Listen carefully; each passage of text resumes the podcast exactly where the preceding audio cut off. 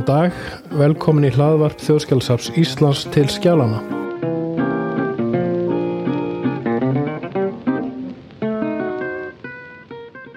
Ég heit Unnar Ingvarsson og hjá mér er Rappkjell Lárusson, sakfræðingur og starfsmæður við þjóðlendaránsóknir í Þjóðskjálfsapni. Nú nýverið varði Rappkjell doktorsreikja sína sem heitir Líðræði í mótun, félagastarf, fjölmiðlun og þáttaka almennings 1874-1915. Velkomin Rappkjell. Takk fyrir. Til hafði ekki með reykjarna og nafnbótina. Takk að þið fyrir. Mikið léttir að vera búin. Já, já, ég held að sé kannski léttir. Ég var spurður að því hvort ég þetta hefur verið mikið spennufall en ég held að sé meira léttir að, að, að þetta sé svona endanlega frá að þetta er auðvitað eins og gefur að skilja búin að taka tölvert langan tíma en uh, ég var samt uh, lánsamur með það að, að ég hafði brennandi áhuga mínu efni allt til loka og hef svo sem enn. Mm. þannig að hérna það var aldrei að þekka mig. Það er náttúrulega hjálpar að hafa ánægja því sem það er að gera. Og hjá komilega Hérna reitgerðin, líðræði í mótun er, svona yfirskriftin og hérna og, og tíma ámörkun er frá 1874 sem er náttúrulega svona líkilári í íslensku sögu. Eh, Íslendinga fenguðu stjórnarskrá og, sveitarstjórnir fóru að starfa á Íslandi. Það er ventar lengi tilvílun að það var upp á spunktunum sem það valdir? Nei, tímarammin eh, sem ég valdi er eh, miðast við annars vegar tilkomi stjórnarskrárunar 1874 og að það ár tóku líka var fyrst kostið til Svetisjóðna sangvað tilskipun frá 1872 uh, auk þess þá vittna margi samtífamennum það heimildum personlegum heimildum aðalega og er reyndar í ofnbjörnum líka að hátíðahöld sem voru þetta ári í tilefni af þúsunda ára ammæli Íslandsbyðar að þau hefðu orkað mjög stert á fólk og fólk hafi svona lítið svolítið á að nýjir tímar væri að hefjast. Síðari tímamörkin miðast við stjórnarskrábreytinguna sem að færðu, færðu konum og, og uh, já, all stórum hópi kalla líka kostningarétt til alþingis. Og 1915 er líka árið sem að má segja að sé kannski svona síðasta ár það sem að svona óformlegir stjórnmálaflokkar voru ráðandi afl í uh, íslensku politík því að þetta er náttúrulega árið áður en að allþjóðflokkur og framsóknarflokkur eru stopnaðir sem er uh, haft til marksum upp á stjæðastjóðmál á Íslandi. Já, hvernig við lítum inn á líðræði upp á þessa tímabils eða var það hugtakið vilja til sem slíkt í umræðinni? Sko hugtakið var til en hugtakið sjálft sérst ekki mikið uh, í heimildum frá þessum tíma og það er þá Já, ef að vera að tala um líðræði þá er, þá er það oft orðað með öðrum hætti. Líðræðis hugtækið hafði í rauninni á sér svolítið neikvæða mynd lengi vel og, og hefur verið gerð ágættir ansókn á því í Danmörku og við erum náttúrulega auðvitað tilhærum danska ríkinu á þessum tíma að e, það er einhvern ekki fyrir en sko undir lok 19. aldar sem að það er farið að tala um líðræði þar með jákvæðum fórmerkjum í rauninni fram að því var, var líðræði hugtaki lagt að jöfnu við það sem í dagmundu kalla skrílræði. Það líður ekki, ekki endilega jákvæðt orði Nei, í rauninni ekki. sko. og til dæmis tekið sem marg sem það að, að sko danskir uh, sósialistar sem að voru sannarlega sko líðræðislega þengjandi og töluðu fyrir fyrir uh, þingræðinu og, og, og fyrir auknu líðræði að þeir fóru ekki að kalla sér sósjaldemokrata fyrir en undir hérna eh, um aldamót. Og hugtækið sjálft er ekki mjög sínilegt en sko uh, sko svona uh, þróun í átt til líðræði sem mjög greinileg og byrtist kannski uh, skýrt í því sem er nú eitt af mínum aðal viðfónsefnum sem er til, uppgangur frjálsar félagsamtaka á þessu tímabili sem ég hef með til rannsóknar. Líðræði er kannski umræðin í dag og hefur kannski lengi verið tengt við fyrst og næst kostningarétt og þá, þú veist, þú er rétt fólk til að, til að kjósa, þetta er auðvitað miklu viðtækara mál en það og snýr náttúrulega því hva, hvernig við líta á stjórnmál er það ekki, hvers aðeins það er umverulega uh, á þessum tíma, kannski á síðustu árum 19. aldar eða byrjun 20. hvernig myndum við skilgrina stjórnmál þá? Það er mjög góð spurning, því að eitt af því sem að ég ræði í, uh, í minni rítgerð er það að Eh, það er ofti í ofnbæri umræði þá sér það að það er talað um pólitík og svo er talað um, um hérna svo kvöldu stórpólitík sem á þessum tíma var fyrst og fremst sambandsmáli við Dani og, og, og stærri efnahagsmál. Og því hefur eh, var haldið fram á þessum tíma og einnig í, í fræðaskrifum síðar að almenningur hefði verið í rauninni áhuga lítill um pólitík. Eh, eitt af því sem að ég eh, nefni að ræði í minni rítgerð er það að ég held að þetta sé í rauninni ekki rétt í nútíma skilningi í pólitíkur. Það sem ég held að sé eins og rétt hafi verið það að almen, íslenskur almenningur hafi svona upp til hópa verið í rauninni frekar líkt áhuga samur um sambandsmálið og stjórnarskrár þræturnar við Dani Þess, en þær hins vegar sko yfirgnæfðu í rauninni stjórnmálastarf mjög á þessum tíma. Og uh, alþingi var sko þing eftir þing undirlagt af, af umræðu um sambandsmálið. Uh, þarna held ég að í rauninni kannski hafi orðið ákveðin sko samsláttur í, í hugtökum. Og uh, þannig að, að það sé í rauninni talaði, eða sko þegar talaði sem um, vísaði sér til pólitíku þá sé í rauninni áttu þessu svo kvöldu stórpolítík Sko almenningur eins og hann byrtist til að mynda í eh, handskrifuðum sveitablöðum og bara í ímsum skjallegum heimildum eins og bæði í sendibrefum og, og dagbókum, kannski samt sérstaklega í sveitablöðun, hafði heilmikinn áhuga á pólitík. En svo pólitík var þá fyrst og fremst sko atvinnumál, mentamál, heilbreyðsmál og var þá meira á svona uh, nærsvæðisvísu heldur en landsvísu mm. uh, það virðist í rauninni vera þá sem ég vil nú kannski fullir það of gróflega að, að fólk hafi svona almennt séð verið meira með hugan við sitt nærsamfélag og áhuga leysi á til dæmi sambandsmálinu hafi sjálfur sér verið eðlilegt í því ljósi vegna þess að það var landsmál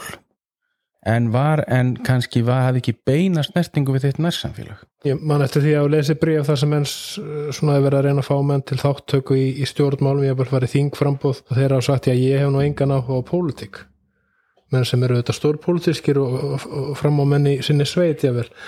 þannig að það er augljóst að þarna er einhver svona hugtaka ég veit ekki hvort þá segja rugglingur en ég menna þetta þýtti þetta bara þá þetta er kannski bara mjög algengt með orð og íslensku að, að það er svona óvarlegt kannski að, að nota nútíma skilgrinningar á, á, á fortíðina. Ég það er það því að sko bæði náttúrulega koma ný orðin í málið eldri orð þetta út og, þessum, og síðan náttúrulega það að, að merking orða getur, getur líka tekið breytingum samberð það sem við varum að minnast á hér áðan með, með líðræðið að, að hugtækið var ekki endilega í nótkunn þó að, að, að það sem var verið að ræða um uh, væri mynd í dag vera flokka til umræðu um líðræði þetta er líka þessi sín sem að ég er að fá uh, á sko þessi viðþorf almennings til, til stjórnmála. Uh, byggja mjög mikið á persónlegum heimildum og skjölum sem eru í ákveðinni andstöðu við það sem að byrtist uh, ofinberlega á þessum tíma. Þess, þá sko umræða í, í blöðum uh, frettablöðum og, og tímaritum þessa tíma þessa tímabil sem ég fjallum sérstaklega um aldamótin og fyrst upp úr aldamótum er undirlögð af þessari svo kallu stórpolitík og á meðan persónulegu heimildirna voru kannski ekki aðgengilegar eða, eða eh, já, voru kannski einhverstað en bara onni, onni skúfum og, og, og kistlum og ekki mikið notar til dæmis af setin tíma eh, fræðumönnum að þá er kannski ekki skrítið þó að, að þessi álíktun hafi verið dregin, það er að segja þessi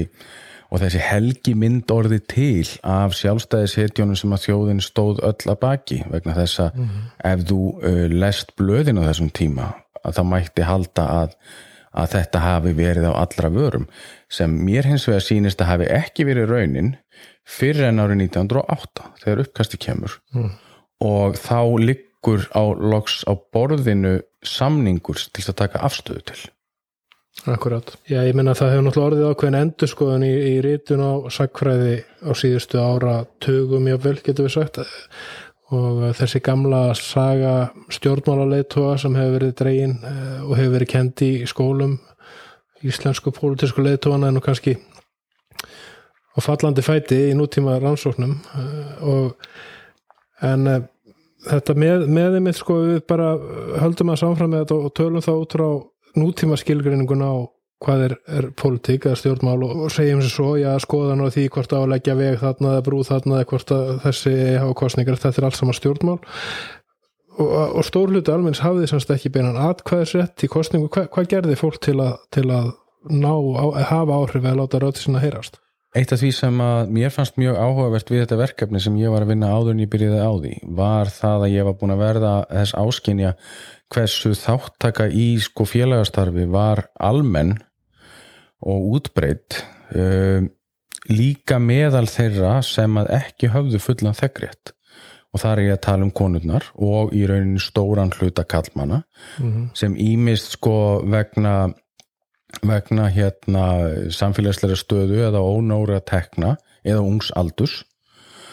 uh, höfðu ekki fullan þeggrétt uh, sko þessi nú uh, kannski ætla ég nú ekki að, að svona draga neinar afgerandi álíktanir um einhver skil hafi verið á milli sko þessi formlega pólitíska sviðs og þessa uh, sviðs svona félagsleira þáttöku eða þáttöku í félagslífi um, en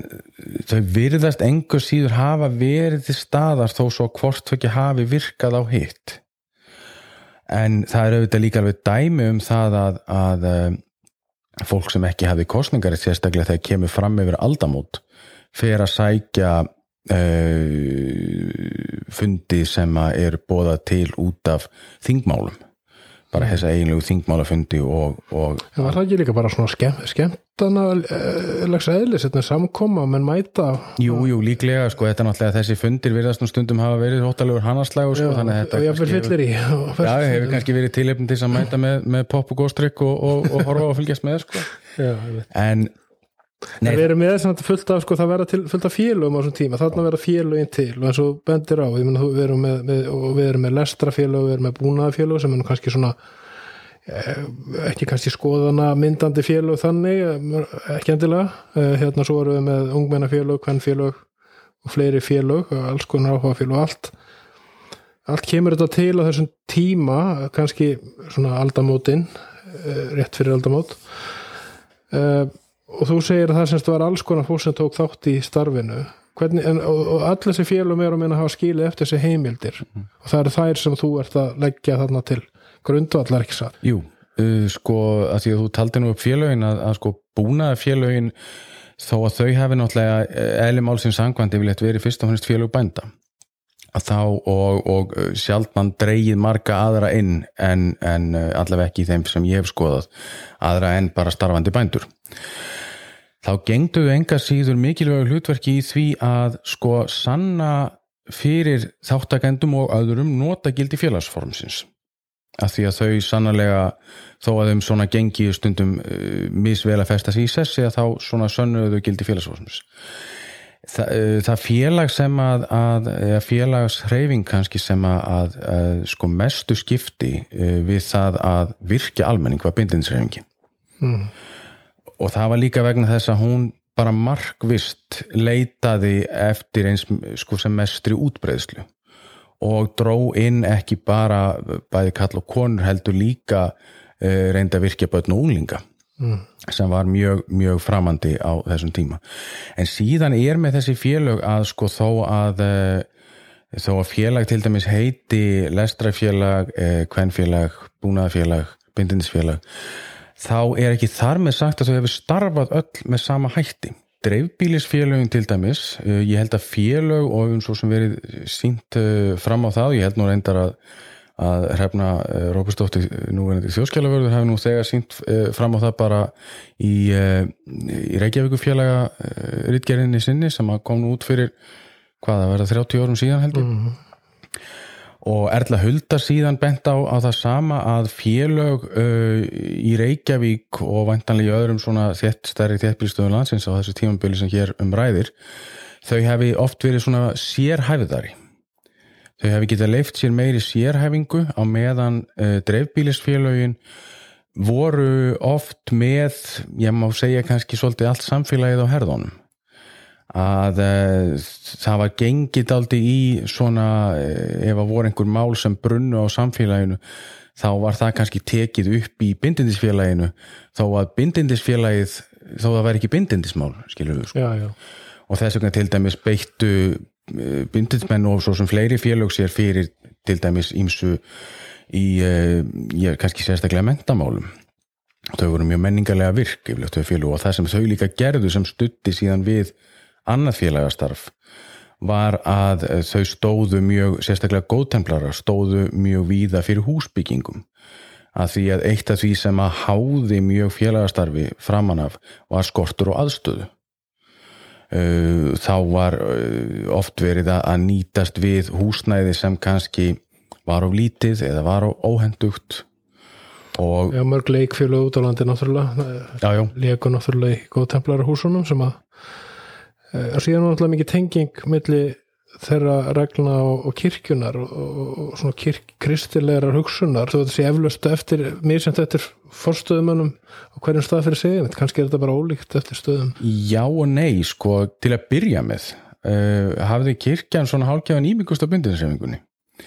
bindindisreifingin hafði í heiðri ákveðin siðabóðskap og uh, en fósásmenn kirkjuna lítuð á sem sitt hlutverk að, að vera með akkurat. En uh, síðan uh, lögðust uh, læðist kirkjan síðar eh, nærdur á aldamótum 1900 á áratnar með bindindisreifingunni Mm. í baráttunni gegn, gegn drikkjuskap sem var náttúrulega orðin, orðið bara mjög útbreytt og alvarlegt vandamál. Kirkjan náttúrulega var, hún er mjög mikilvægur hluti af þessari sögu vegna þess sérstaklega í sérstaklega í dreifbílinu vegna þess að fram eftir 19. öld og jafnvel fram yfir aldamót eru kirkjustæðinir hinar sko augljósu félagsmiðstöðvar sín sveitarfélags Mm. og uh, margt fólk var í sveitarsamfélaginu var ekkert mikið að fara út af heimilinu nema þá kannski helst til kirkju það voru eiginlega fyrst og fremst bændurnir og þá einhverjur marki vinnumenn sérstaklega þau voru sendið bæði í verið og, og í sendiferðir sem voru eitthvað á ferðinni og þess vegna gengdi sko, gengdu kirkjunar og, og fyrst eftir að, að sko félög fór að starfa frjálsfélög að þá voru þau oft að, að halda sína fundi í tengslum við guðtjónustur Já, til dæmis það sést bara ég dæmum það í lögum félaga það sem er bara skráð í lögin að, að, að fundi skuli halda eftir guðstjónust og sunnudegi sko. Þetta er áhugavert, þarna ertu með stórmál í samfélaginu, bindindisreifingin er, er fjöldarhefing eh, og ég held að það verið Páll Brím eh, þá andmaður sem benda það í, eða hvort það var nú hættur, eh, benda það í greina ef það væri ekki þetta kostninga fyrirkomulega í Íslandi með einmennskjördamum þá myndi bindindisreifingin auglustlega bara bjóða fram til alþingis. Og en þess að hún hefði valdið til þess. Þetta er svona kannski einsmáls reyfing en á Íslandi var voru einmennskjördami og, og, og, og hérna eða tímennskjördami sem tilfellum og hérna þannig að það var ekki pláss fyrir landsreyfingar og hugmyndir sem að náðu fram til þings. Og þar á leiðandi hugsanlega var þetta stórpolítiska mál og samskiptum við Dani ráðandi eða hvað? Já, ég skal ekki um það segja en, en, en þetta er ég hef ekki heyrt þetta á þess að að nefna að Pátt Brím hefði sagt um, um að, að bindinsreifingin byði fram. En bindinsreifingin hins vegar og uh, var uh, svona gekk nokkuð ódulin í því að reyna að hafa áhrif á það stiðja einstakka hverju væru Já, kjörni og akkurat. ég bæði hafa uh, eru til sko ofinberg greinaskrif í þá veru í, uh, það sem að, að kjósendur eru kvattir til þess að kjósa engungu bindindismenn eða, eða þá sem hallir síu undir bindindi og uh, það er uh, líka hef ég lista yfir þá þingmenn sem stuttu Já, málið? Það, það var nú svona held ég almennt vitað sko, hverjir Já, já. væru afsitjandi, hverjir væru að styðja það sko. Já, uh, en, en það er kannski meira beinst að, að, að nýjum já, mönnum líka. En það er líka dæmi sem ég þekki úr, úr persónlegum heimildum um það sem er bara uh, það sem er verið að beita bæði uh, bindindisfélögum og reyndar held í muni rétt kvennfélögum einhver líka. Uh, það sem er verið að senda bref á milli með kvartningum um það að, að bæði íta við bindindismönnum að bjóða sig fram og að kjósa eingöngu þá. En ekki, Já, já, ekki þá ekki sem styðji sko. og þarna er náttúrulega má segja að, að er sko er, er, er þetta félagastarf farið að hafa bein áhrif á politíkina já, á, á sko stjórnmálin. Farin að álíkta beinleins um mál og hvetja fólk til að en svo er náttúrulega sko, þarna verða náttúrulega til heimildir. Þessi félag halda fundagjara bækur og þeir, hérna og, og, og sem betur fyrir hefur mjög mikið að þessu varveist eh, síðan er kannski með dettur í hug svona framhjálpi það eru þetta mál sem að eh, fá kannski ekki þann sess að verða verða hérna Já, þessi stofnum félög í kringu, ég myndi eftir eins og kvennaskólamálin, þar voru bara oft einhver hópur af fólki sem skrifaðist á til að hvetja ráða menn þá til þess að stofna til dæmis kvennaskóla eða bændaskóla eða hva, hvað við erum að tala um og er heimildi líka náttúrulega ekki í einhverjum gjörðabókum heldur í sendibrifum og, og þess að þar. Já, svo ég tæki nú uh, með þetta dæmi austan af landi það sem ég þekki best til. Uh, það steg þar fram kona uh, á 1886 held ég að það veri, Arbjörg Stefánsdóttir frá Stakkarlíð og skrifaði grein í, uh, í austra á Seðisfyrði þar sem hún kvatti til stofnuna kvennarskóla. Uh, þá voru þessi skólar byrjaðir að, að rýsa annar staðar á landinu uh, hún lagði til svona var með mótaðar hugmyndina hvernig þessi skóla átti að vera og, og hvatti til að, að fleiri legðust á áratna með sér og sendi auk þess uh, erindi til, til síslunemdana en fekk ekki einu sinni svar. Þannig að, að það kom ekkert út úr þessu hjá henni og henni til sárar mæðu. Uh, hins vegar eh, sko innan við áratug síðar þá eru síslunemdirnar eða síslunemd Norðumúla síst allavega búin að taka þetta mál upp á sína arma og er farin að reyna að sapna fjö til þess að stopna kvennarskóla. Það var ekkert úr því þá. Síðan upp úr aldamótonum eh, 1900 fara að myndast kvennfélög viða um, um Östurland og þá eru þau með þetta mál uh, tefla því fram. En það átti nú þó samt eftir að líða all nokkur tími þangað til að, að uh, Hallumstaðaskólinn sem var nú uh, held ég kallaður í byrjun hús maðuraskólinn á Hallumstað var stofnaður. Já, en það er svo áhugavert líka sko að þetta byrjar hjá einstaklingi fer svo til sko ofinbers aðila sem, eh, sem einhver, dagar uppi hjá og þá koma félagsamtöknum að taka þetta upp. Já, já. Það er nú kannski rétt að upplýsa það að, að þú ert nú östfyrringur og hérna starfar um tíma á héraskjálsafni östfyrringa og heimildirnar í ríkjarin eru margar hverjar frá östfjörðum og östurlandi þannig að, þannig að það er svona kannski svolítið svona sínin er það þín tilfinning að að, að, heimildir séu þetta sé keimlíkt annars staðar á landinu? Hef, eða svona þú kannski átt bara eftir að rannsaka það?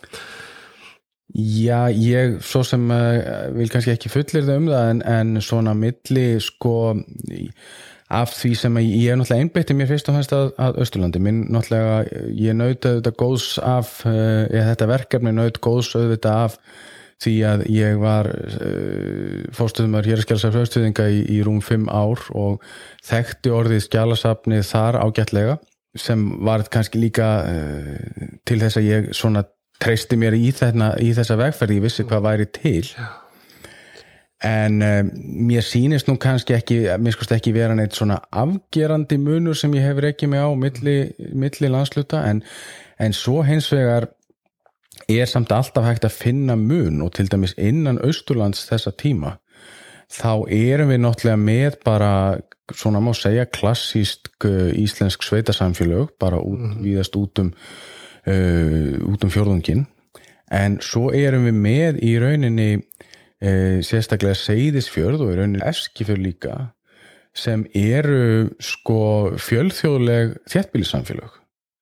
Já. þar sem að, að Alltaf því svona stopnað borgarsamfélagi, ég mætti segja jafnvel. Já, ef kannski ef ég væri alveg hægt að kalla það sko skandinavisk bæjarsamfélög Já, því, að, því að sérstaklega á Seyðisfyrði var var, uh, var stór hluti íbúa uh, uh, af norskum eða dönskum uppruna Mm eitt þátturum mitt í ríkjarni að því að og, og nú kannski við horfum að sá þetta út frá þessum östfyrska veruleika þá nefnir við fjölmiðlun. Og það er nú kannski að vissan á sérstætt að á Östurlandi var gefið út blað hvað talsverðan hluta þessa tímabils. Jú, skuld byrjar að koma út uh, 1877, Jón Ólafsson, rittstjóri og alþingismæður byrjar að, að gefa hann út. Og uh, útgáfa prentara blað á Östurlandi er samfeld frá þeim tíma til 1917 ef frá er talið þarna hvað, þetta sé ekki uh, 2,5 ár sem hún datt niður frá snemma ás 1888 til, til 1891 Það er aldrei svona uh, magnað að það var umverulega vikublaði, hálsmannablaði eða hvað það var nú svona til að bera sér saman. Var mikill munur á, semst var austfyrst slagsíða á blaðinu eða var þetta bara eins og hvert annar reykjavíkublað? Sko, Jón Ólafsson uh, þegar hann hóf útgáfu skuldar þá uh, gaf hann sig út fyrir það að þetta ætti að vera landsmálablað og það er kannski var uh, svo sem algengt með íslensku blöðin hvað sem voru gefin út á landinu alveg fram yfir aldamótin 1900 mm. að flest gáðu þessu út fyrir að vera landsmálablöð þó þau óhjákvæmilega dræju alltaf dáma því hvar þau komu út, hvort sem það var austur og fjörðum eða, eða hér í Reykjavík. Blöðin sem síðan kom og eftir uh, skuld, þau voru svona þau voru svona ég má segja áherslu þeirra voru aðeins misjafnar en sko á tímabili þarna sko, á síðasta áratu 19. aldar þá eru gefin út þrjú blöð á seðisfyrði sem er kannski má segja svona ákveðin vittnisspurður um, um þróun þess staðar en líka vittnisspurður svo sem um, um tókstreitu í landsmálum þess tíma þar sem að, að, að, að þar var austri þar að segja sí, síðari austri sem var heimastjórnablað og og síðan voru valdtíðingar á staðnum sem stofnuðu bjarga en síðan það til viðbúta var, var þarna blað sem að að mínum dómi er merkilegast af þessum þremur sem að blaði framsókn sem var uh, helgaði sig uh, kvenréttindum og réttindabarátu kvenna.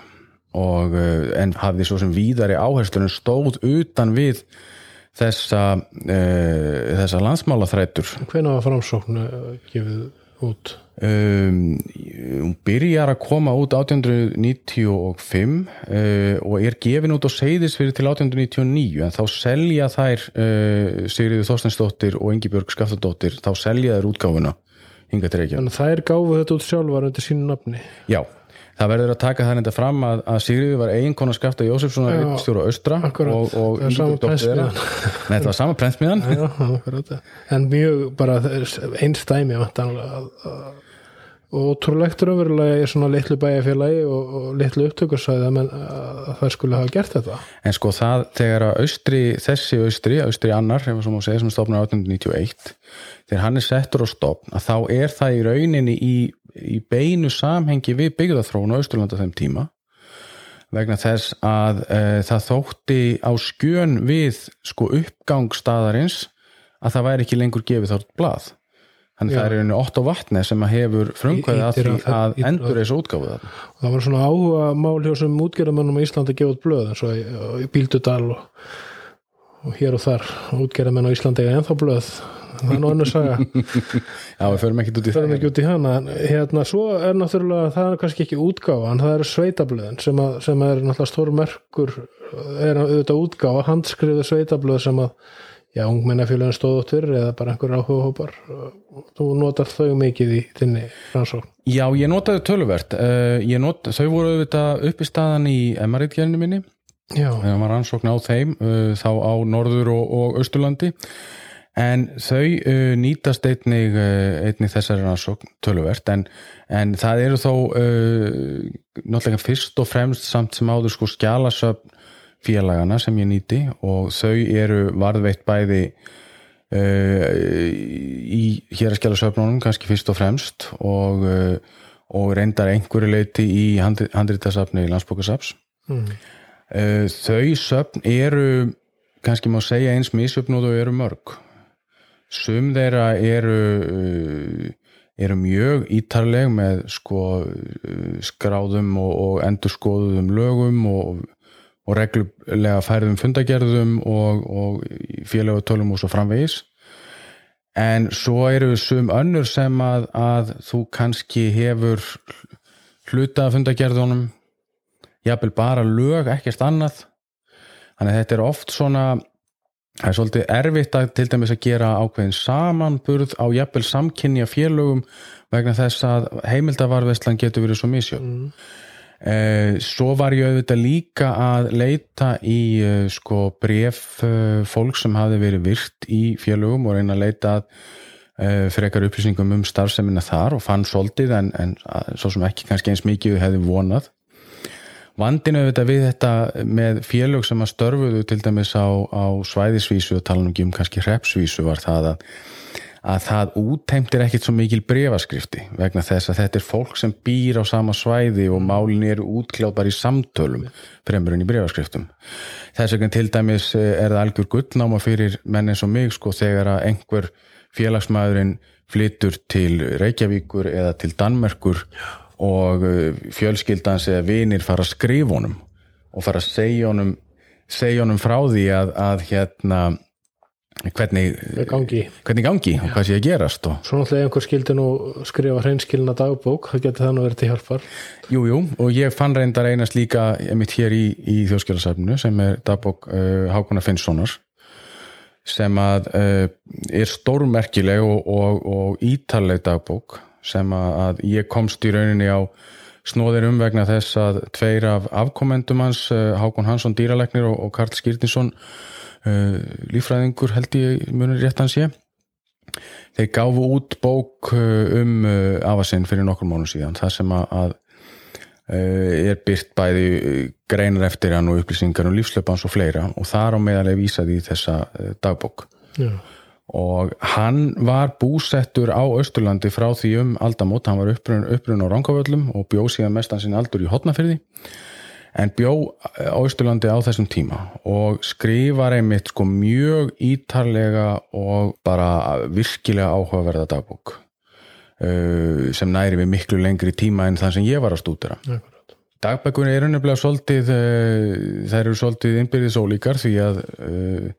ég er búin að fara í gegnum æðimarkar og, og sumar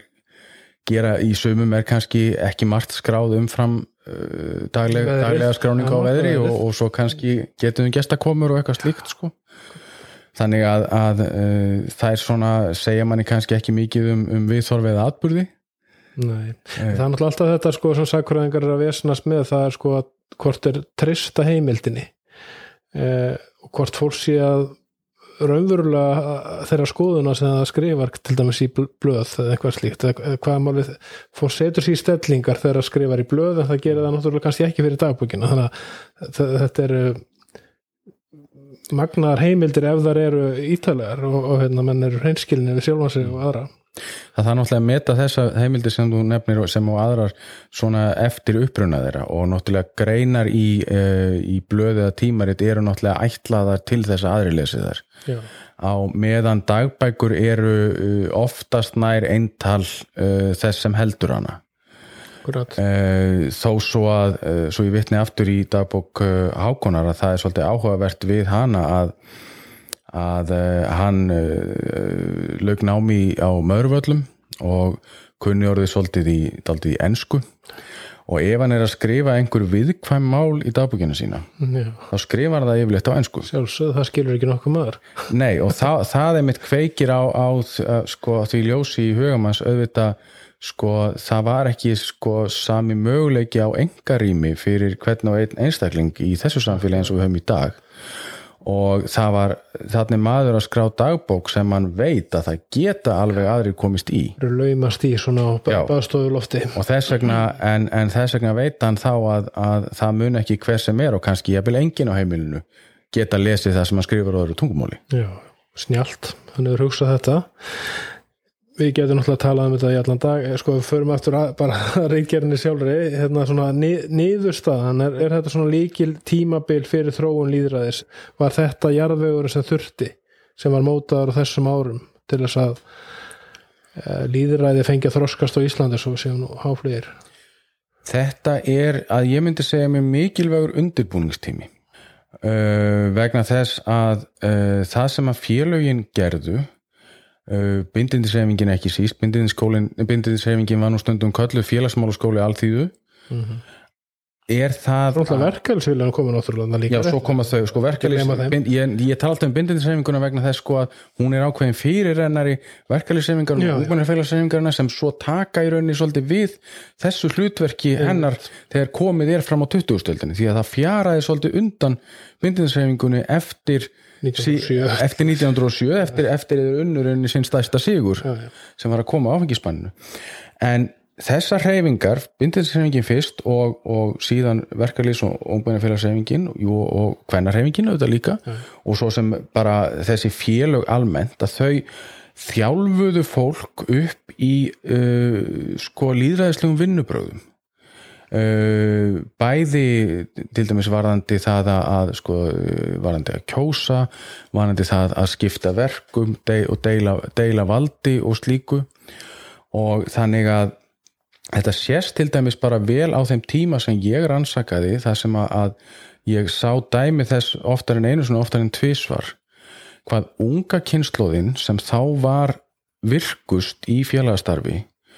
var miklu hæfari til þess að taka til dæmis þátt í stjórnmálum, í stjórnmálu umræðu heldur en henni eldri sem voru ekki, sem voru kannski höfðu kannski margt fram að færa en höfðu ekki þjálfunna í því að tjá sig ofinbeglega, hvort sem var í skrifuðu eða töluðu formi.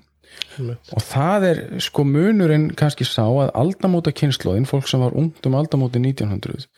það var miklu betur undirbúð undir frekari þáttöku í samfélaginu heldur en fólk um 19. fyrst og fremst að mínum viti út af starfsem og tilkomum félagana og það kannski